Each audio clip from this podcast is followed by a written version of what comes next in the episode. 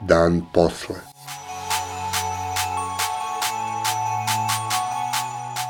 Podcast o krizi i njenim posledicama. Vi slušate 55. epizodu Dana posle, specijalnog podcasta koji se bavi društvenim i političkim posledicama pandemije koronavirusa kod nas i u svetu. Prema nedavno objavljenoj analizi Bojana Klačara iz CESIDA, od 16 izbornih lista koliko se, ako izuzmemo liste manjinskih partija, 21. juna našlo na glasačkom listiću, njih 10 pripada desnoj strani političkog spektra. Od tih 10 lista, koje su zajedno osvojile preko dve trećine glasova, njih 9 se pozicionira desnije od umereno desne opcije koju zastupa vladajuća stranka – Neke od ovih lista svoje učešće na izborima, a i kako se sumnja i samo svoje postojanje, duguju naporima iste te stranke na vlasti. Tako je vladajuća stranka pred izbore pomogla srpskoj desnici Miše Vacića, Srpskom saboru Zavetnici i pokretu Levijatan u skupljanju potpisa, a srpsku desnicu su primetno pogurali i na lokalnim izborima u Vranju, kako 2019. tako i ove godine. Činjenica je da su upravo simpatizeri ekstremne desnice, odnosno po rečima predsednika Ljotićevci koji misle da je zemlja ravna ploča, činili okosnicu prošlonedeljnih protesta. Tako je upad u Skupštinu prve večeri demonstracija predvodio Srđan Nogo, koji je i iz radikalno desnih dveri isključen zbog svojih ekstremnih stavova. Uz njega se u prvim linijama našao i Damljan Knežević, koji je svojevremeno učestvovao u osnivanju Srpskog sabora Zavetnici, a odnedavno je najpoznatiji kao vođa antimigranskih narodnih patrola koje su presretale izbeglice i pretile im. O tome ko je i kako preuzeo antirežimske proteste, o strankama i pokretima koji čine srpsku desnicu, kao i o tome ko može da joj se suprotstavi, razgovarali smo s politikologom Duškom Radosavljevićem, predsjednikom Saveza antifašista Vojvodine.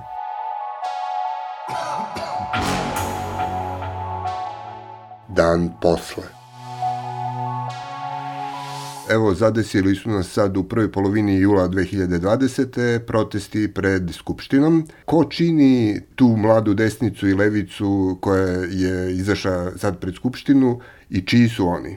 Da li neko stoji iza njih? Pa ja moram da kažem što se tiče desnice da je ona meni išla da to uglavnom da su to navijačke grupe podmaci uglavnom e, obskurni partija i uglavnom da su to delovi one grupacije koje režim drži pod kontrolom i koje u organizacijom tehničkom koje god materijalnom smislu jako zavise od milosti režima. Desnica mi se činila kao jedan sublimat koji je tu isključio zato da je doveden da napravi provokaciju i da opravda kasnije ovaj vrlo vrlo ovu brutalnu uh, intervenciju policije naravno koja je bila uzrokovana ponašanje režima. A što se tiče levice, ja nju baš nisam nešto naročito primetio, odnosno primetio sam delove levice, ali o, zato što jednostavno na političkoj sceni Srbije nema levice. Paradoksalno, levica ima mnogo šta da ponudi Srbiji, ali prvo sama sa sobom treba da razjasni, tako da kažem, kvalitete ponude. Levica je slabo organizovana, ona nije da je neprimetna, ali isto se to dešava po nekim ekscesnim situacijama, po performansima, o više, da kažem, dobrim namerama nego što bi to moglo da bude snaga politička. Znači ima nje u nekim, kako se zove, delovanjima partije, ima u nekim zalaganjima, ali kao organizovana partija, kao nešto što je recimo Podemos kao što je bila Siriza, to mi u Srbiji jednostavno nemamo. Imamo ideju, ali nemamo organizaciju levice. E, pred Skupštinom su mogli da se primete e, pojedinci iz organizacije Marks 21, E, iz krova nad glavom Ne dajemo Beograd, ali nije postojao pokušaj nametanja programa i teme osim u ponekom transparentu. E, dok je s druge strane desnica bila kudikamo glasnija, koristili su i ne, neki megafon, a i bili su i takako vidljivi e, u obračunima s policijom. Kako je došlo do toga da je desnica preuzela protest? To su jednostavno organizacije koje su pripuštene od strane režima da ukradu protest i ja bih rekao da su one jako dobro to i uradile. i ukrale su protest jednostavno od ljudi kojima je u ovoj zemlji, kako mi kažem, koji su siti svega, ogromna količina besa, ljutnje, patnje koja se izlila na ulicu, u ovom slučaju Beograda, ali i drugih gradova u Republici, e, je namerno i svesno bivala diskreditovana sa, sa, sa delovanjem grupacija koje su recimo iz mini protesta išli na divljačku, išli su na provociranje e, snaga reda, a sa druge strane snagama reda je očigledna stvar da jedan zloslutni džoker to sve sa strane posmatrao i gurao i iskoristio situaciju, ne bi li se pokazalo da mi u Srbiji od ispravne, pod navodnicima ispravne, mirnodopske, kako da kažem, ljudima okrenute politike, evropske politike, naravno sve pod navodnicima predsjednika Vučića, imamo one koji bi da ga ruše u trenutku dok se on lavovski brani za Kosovo, oni bi da ga ruše, a sa druge strane opet imamo zlosrećene levičare. Levica, to su radnička prava i prava sveta rada. To su prava osoba koje su u manjinskom položaju, znači LGBT populacije, nacionalnih zajednica, eksperata, intelektualaca i to ne može zajedno da stane u jednu priču i da ovaj i izađe napolje da napravi neki miting, da napravi neke demonstracije ili da napravi prema vlasti ove e, zahteve, zato što e, jednostavno istekam utisak da između dve organizacije Veći su razlozi politički neki drugi, ne znam koji, ali ja bih rekao više najviše sujetni, nego što su razlike između, ovaj, e, odnosno ispade da su te razlike veće nego što su razlike između levice i ekstremne desnice. To ne može niko da me ubedi da je dobro. E u toj situaciji ako mi idemo na to da razmišljamo ko je više, da kažem, pravoverni marksista ili ko je socijaldemokrata ili ko je socijalista, ko je komunista, u toj situaciji od levice nema ništa. Ko su bolševici, ko su menševici. Tako je, to, to je ta priča koja, ta priča koliko može, sa, kao u, u, u srednjem veku Anđela na vrh igle, to je priča koja nas, ja mislim, već 30 godina prati i to je 30 godina koje je Levica izgubila u Srbiji, a najvažnija stvar što Levica u Srbiji postoji od druge polovine 19. E, veka, ima neku svoju tradiciju, autoktoni, imaju stvari koje se bore.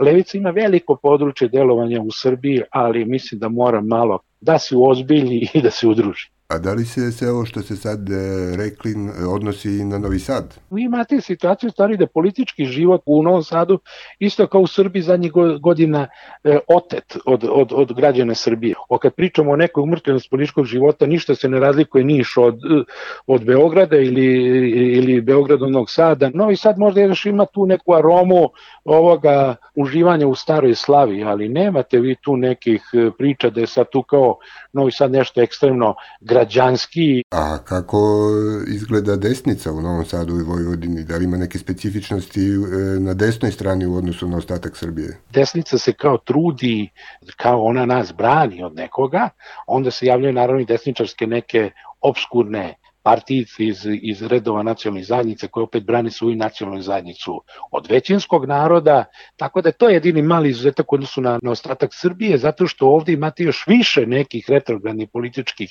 ideja, jer, e, Bože mo prosti, znate da nema sada tu nekih desničara, sve bi ovo Mađari odneli ne znam gde, odneli bi Hrvati, uvijek bi neko nekog odneo, znate da nema njih, da oni nisu budni, to je ta priča malo naravno nacionalistička, ali i dalje vam uvijek tvrdim, ta krajnja desnica i uopšte neke partije koje egzistiraju, one u stvari ne postoje ni u ovome ubiračkom telu.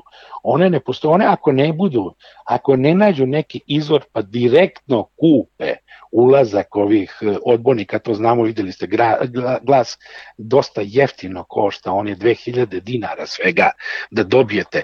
Ako se ne kupe direktno ulazak negde, a to volšebno se pare stižu sa neke strane, znači desnica nema šta krajnja da traži, ni ovde ali se više ona koristi kao pretnja, ona se koristi kao pretorijanska garda režima, to je u stvari jedna renta, mladalačka ekipa koja koristi se za za cirkuse, da tako kažem, po gradu i po pokrajini i očigledna stvar da tu svako ima računa. Videli smo sad na ovim izborima da se desnica nije baš pretrano proslavila u biračkom telu, e, međutim pokazalo se da neki predstavnici te scene kao što je na primjer Srđan Nogo, mogu da privuku značajan broj ljudi na svoje proteste i političke skupove. Ja uopšte ne verujem u njegovu snagu. Boga mi, e, bio je protest u Beogradu na koje je došlo 3000 ljudi, sad ne znam koliko je to bilo njegovih e, nekih bojovnika. E, to sad to da kažem, ali vi znate, ali u Beogradu vi imate situaciju u kome u svakom trenutku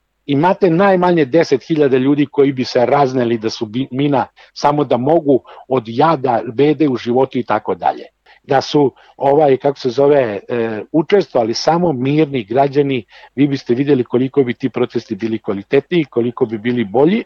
Ti koji su bili kao najshrabriji, najstrašniji dalje kažem to su bili dobro postrekivani i dobro plaćeni za to. Ne mogu da tvrdim da je pomenuti gospodin direktan provokator, ali da je radio na štetu ovih, kako se zove, demonstracija, gde se moralo pokazati taj narodni bunt i da se pokaže da ljudima dosta ovih stani kreni, laži ti neki podaktaka i sve to, Znači, uspeo je, on je jedan od onih koji je uspeo da poništi tu pozitivnu energiju ljudi koji su otišli tamo. A ako je opet mislio toliko da je pametan, da će ga neko izvikati na vratima Skupštine za novoga vožda, za pokretača trećeg, četvrtog ili petog ustanka ovaj, srpskog, e onda, boga mi mislim, da to onda nije slučaj za mene i za vas, da to onda slučaj za neke druge analize, ali oni nisu političke vrste. Pretpostavljam da ćemo se lako složiti da je velik broj učesnika u, u prvim redovima e, napada na Skupštinu, da je e, zapravo ubačen i da su u pitanju provokatori. Međutim, ima tu i dosta nekih ljudi koji su iz nekog iskrenog ubeđenja došli na te proteste sa željom da podrže neke desne ideje. E, ko su ti pripadnici, kako izgleda zapravo e, srpska nova desnica, ta neka naša alt-right scena 20. godina ovog veka u poređenju sa recimo nacionalnom desnicom 90. godina? Ništa se ne razlikuje razni, kako se zove, takozvani patrioti dalje pričaju, jedina im je rešenje, ne damo e, Kosovo, druga stvar je smenit ćemo rukovodstvo u Crnoj Gori, e, pripojit ćemo Republiku Srpsku. Šta se to razlikuje od 90. godina? A ima novih tema, novih tema nekih e, kao što su migranti, vakcine, 5G i ostalo. Pa to, ne, to su samo povodi, izvinite, to su samo povodi. To su povodi te teme, pa nemaju oni kako se zove, neki novi program gde su srpski grobovi, tu su srpske zemlje, to je ta politika. Desnica, ova nova sada u Srbiji isto, kao i 90. godina samo, kako da kažem, produbljuje i širi postojeći program, odnosno tumači program predsjednika Republike. Isto ste 90. godina imali da je desnica u stvari najvećim delom opravdala ratne napore Miloševićog režima, Jer srpska desnica, ako je shvatamo onako, srpska desnica, vi kad pogledate, ona oliče na ovom trenutku u Srpskoj naprednoj stranci njene koalicije. A sa druge strane, srpska desnica to su e, partije Đilasa, partije e, Boška Obradovića i partije Vuka Jeremića. I ajde da pogledamo onda koji su njihovi programi. Srpska desnica nisu navijačke grupe, tu možda samo se nismo razumili, sa možda treba odmah reći. Znate, taj nogo, on može da, izazove, da zove i 100.000 ljudi napolje, ali moramo da vidimo da li je to partija, da li je to ideologija ili je to samo, kako se zove, pokušaja stvarno da se ostvari neki politički cilj na brzu brzinu. Ovo što sam rekao, ovi 4-5 organizacija, to su srpska desnica. I da ne budemo mi sada stalno da pričamo da su srpska desnica malte ne Miša Vacić ekipa, a da su ovaj a da su ne znam šta srpska napredna stranka je kao Mio Mirisno CV neki ovaj demokratski centar u Srbiji pa su ovi iza desnica. Ne, srpska napredna stranka je stranka desnice i to konzervativna desnica. A ovo su ekstremne desničarske neke grupacije za koje znamo da su najvećim delom proizvod režima i što kaže blago izvolele da se hrane na režimskim kasama. Cela srpska politička scena i ovo malo što će biti u parlamentu, ona se situirala od centra do desnice.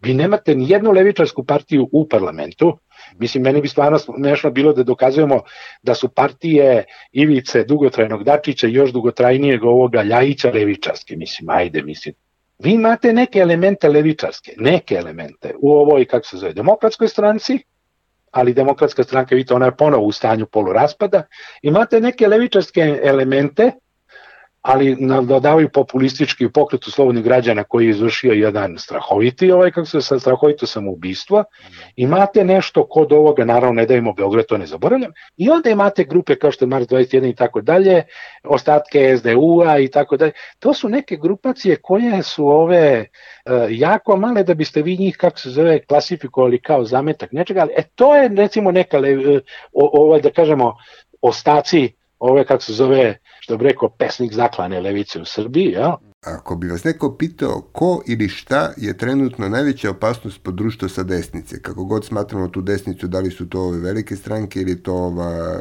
marginalna ekstremna desnica, da li tu vidite neki proces koji, e, koji zabrinjava ili neku ličnost na koju bi trebalo obratiti pažnju koja bi mogla da se pokaže opasnom, da li ima nešto na šta biste skrenuli pažnju? Da, smatram da je najveća desničarska opasnost u Srbiji u trenutku režim e, Aleksandra Vučića. Bez njega i bez e, toga, kako da kažem, ostajanja na vlasti po svaku cenu, čak i po cenu ljudskog zdravlja, videli ste po cenu prebijanja, te organizacije ne mogu da znače ništa, odnosno značile bi mnogo manje, ne, ne možemo mi da kažemo da se ne javiti ljudi po 2, 3, 5 koji će hteti da tuku pripadnice nacionalne zajednice ovde u Vojvodini, koji će hteti, ne znam, da, da, da, da tuku Rome, koji će hteti da tuku pripadnike LGBT populacije. To u svakom društvu imate ljudi koji jednostavno nisu baš najčistiji sa svojim političkim stavima. Ali je uvek problem u tome ako oni budu pripušteni, ako se oni, kako se zove, tolerišu, evo ostalo vidite koliko treba režimu da osudi napadača na ona Borka Stefanovića. Sad ja treba da odgovorim, ja jako se bojim, ne znam, srpske desnice, jako se bojim Levjetana, jako se bojim ovoga onoga. Ne, i, jako se bojim onoga koji je najjači, onoga koji stvarno pravi svu situaciju da bi se to desilo. Jer e, da je problem u, ne znam, u Levijetanu, da je problem u ovome, onda bi mi kao vojvođanski antifašisti, koji isto ima par stotina, mogli da izađemo i s njima desimo čak i da se šorkamo. Da izađemo mi, da vičemo na njih. Oni ćemo prvo doći bati na njih, pošto su mlađi, a onda će doći policija da brani njih od nas. Ko su sada baštinici ideja i tradicije antifašizma u Srbiji? To su stariji ljudi, da kažem, obrazovani, i ljudi koji još uvijek neguju tu kulturu sećanja, znate, ne može da te se proda e, neka neistina. Ja imam utisak, ovo nije neki naučno zasnovan, ali da Srbijom faktički vladaju potomci oni koji su izgubili u drugom svetskom ratu. I u toj situaciji onda znate kako, oni valjda čuvaju uspove na svoje očeve, na svoje ovaj dedove i žele istoriju da preokrenu. Antifašizam je u stvari u ovom trenutku u jednoj defanzivi jer ga tuku sa svih strana, antifašizam mora da bude, kako da kažem, državna ideologija, državno učenje, ne može da bude stvar pojedinaca. Kod nas, kad su te tuče šibanja sa policijom još od 9. marta, uvek su u prvim redovima neki pripadnici navijača ili neki desničari, uglavnom kao što smo ih sad opisali, kako to da se kod nas niko levi ne tuče? Mi imamo pomenutu Antifu koju je prozvana kao e, organizator maltene svih nereda u svetu.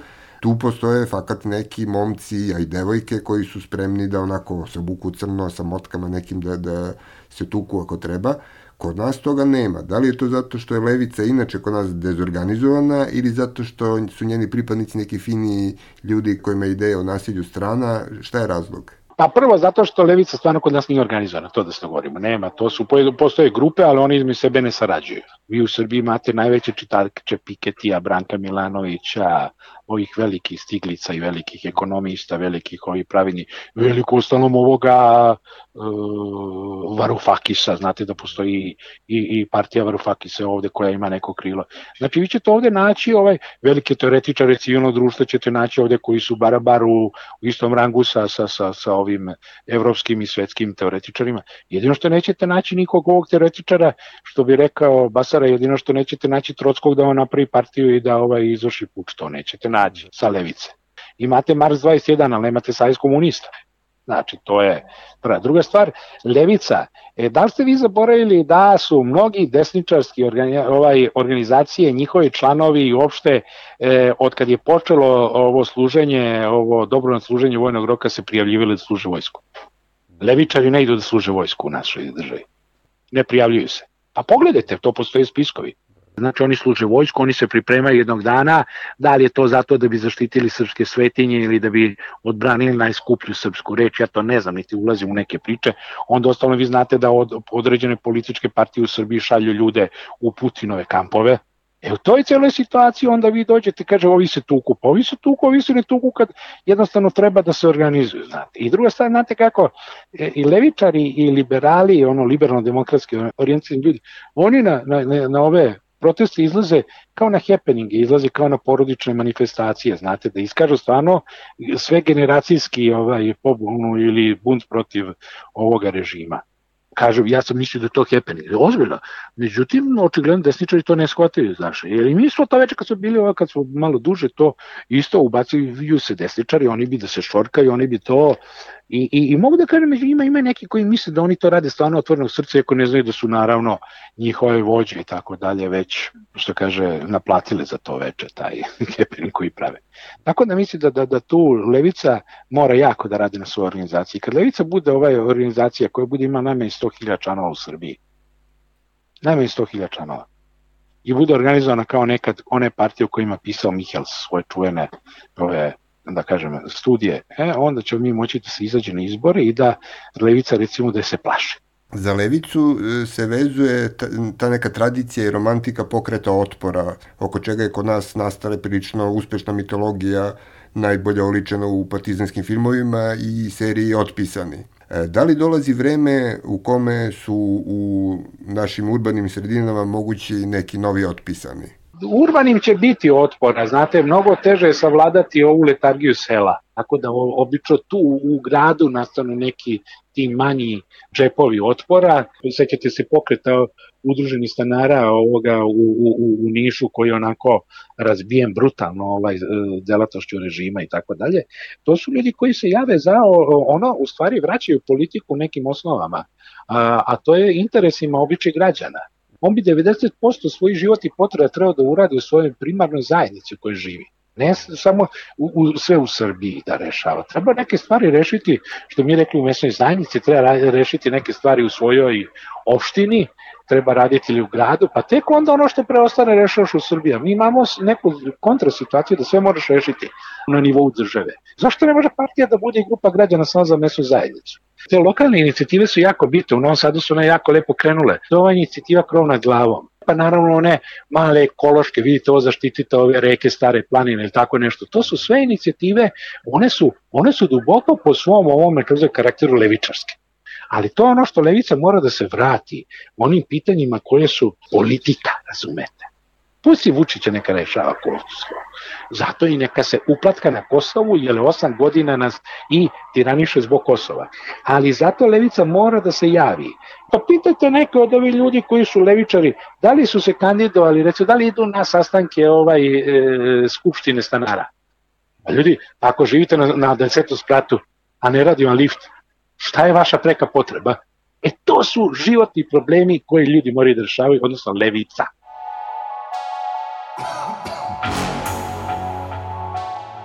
Dan posle. Bila je ovo epizoda Dana posle za 17. jul 2020. godine. Ako ne bude vanrednih okolnosti, novu epizodu s novim sagovornikom moći ćete da čujete u utorak 21. jula. Ništa još nije prošlo, pridržavajte se mera zaštite od koronavirusa, čuvajte svoj i tuđe živote i ne ćutite pred glupošću i nepravdom. Dan posle je specijalno izdanje Tačke ključanja, autorskog podcasta koji se realizuje uz podršku građanskih inicijativa. Stavovi izneti u emisiji nisu nužno stavovi redakcije podcasta Dan posle, niti udruženja građanske inicijative. Redakcija Ilir Gaši, Tara Petrović i Aleksandar Gubaš. Urednik i voditelj Aleksandar Gubaš. Muzika Zeifol i Ben Sound.